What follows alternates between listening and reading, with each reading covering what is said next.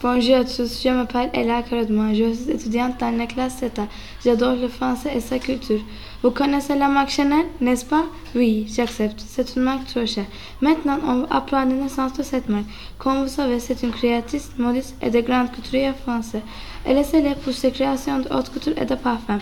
Gabrielle Coco Bonheur Chanel est le symbole de l'élégance française. Coco Chanel est née en 1883 et elle est morte en 1971 à Paris.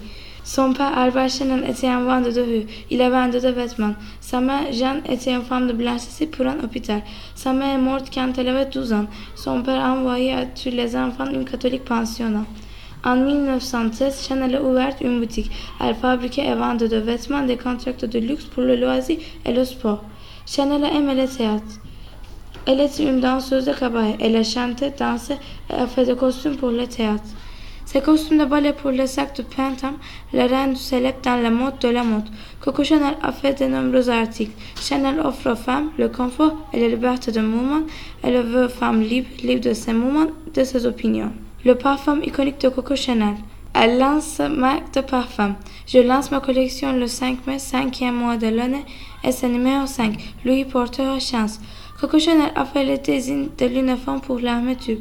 Après la Première Guerre mondiale, elle a transformé la mode féminin vers la manière sportive et confortable. On continue avec des citations de Chanel. La beauté commence au moment où vous décidez d'être vous-même. La mode, c'est des modes, le style jamais. Une femme sans parfum est une, une femme sans avenir. L'élégance, c'est quand l'intérieur est aussi joli que l'extérieur. Merci d'avoir écouté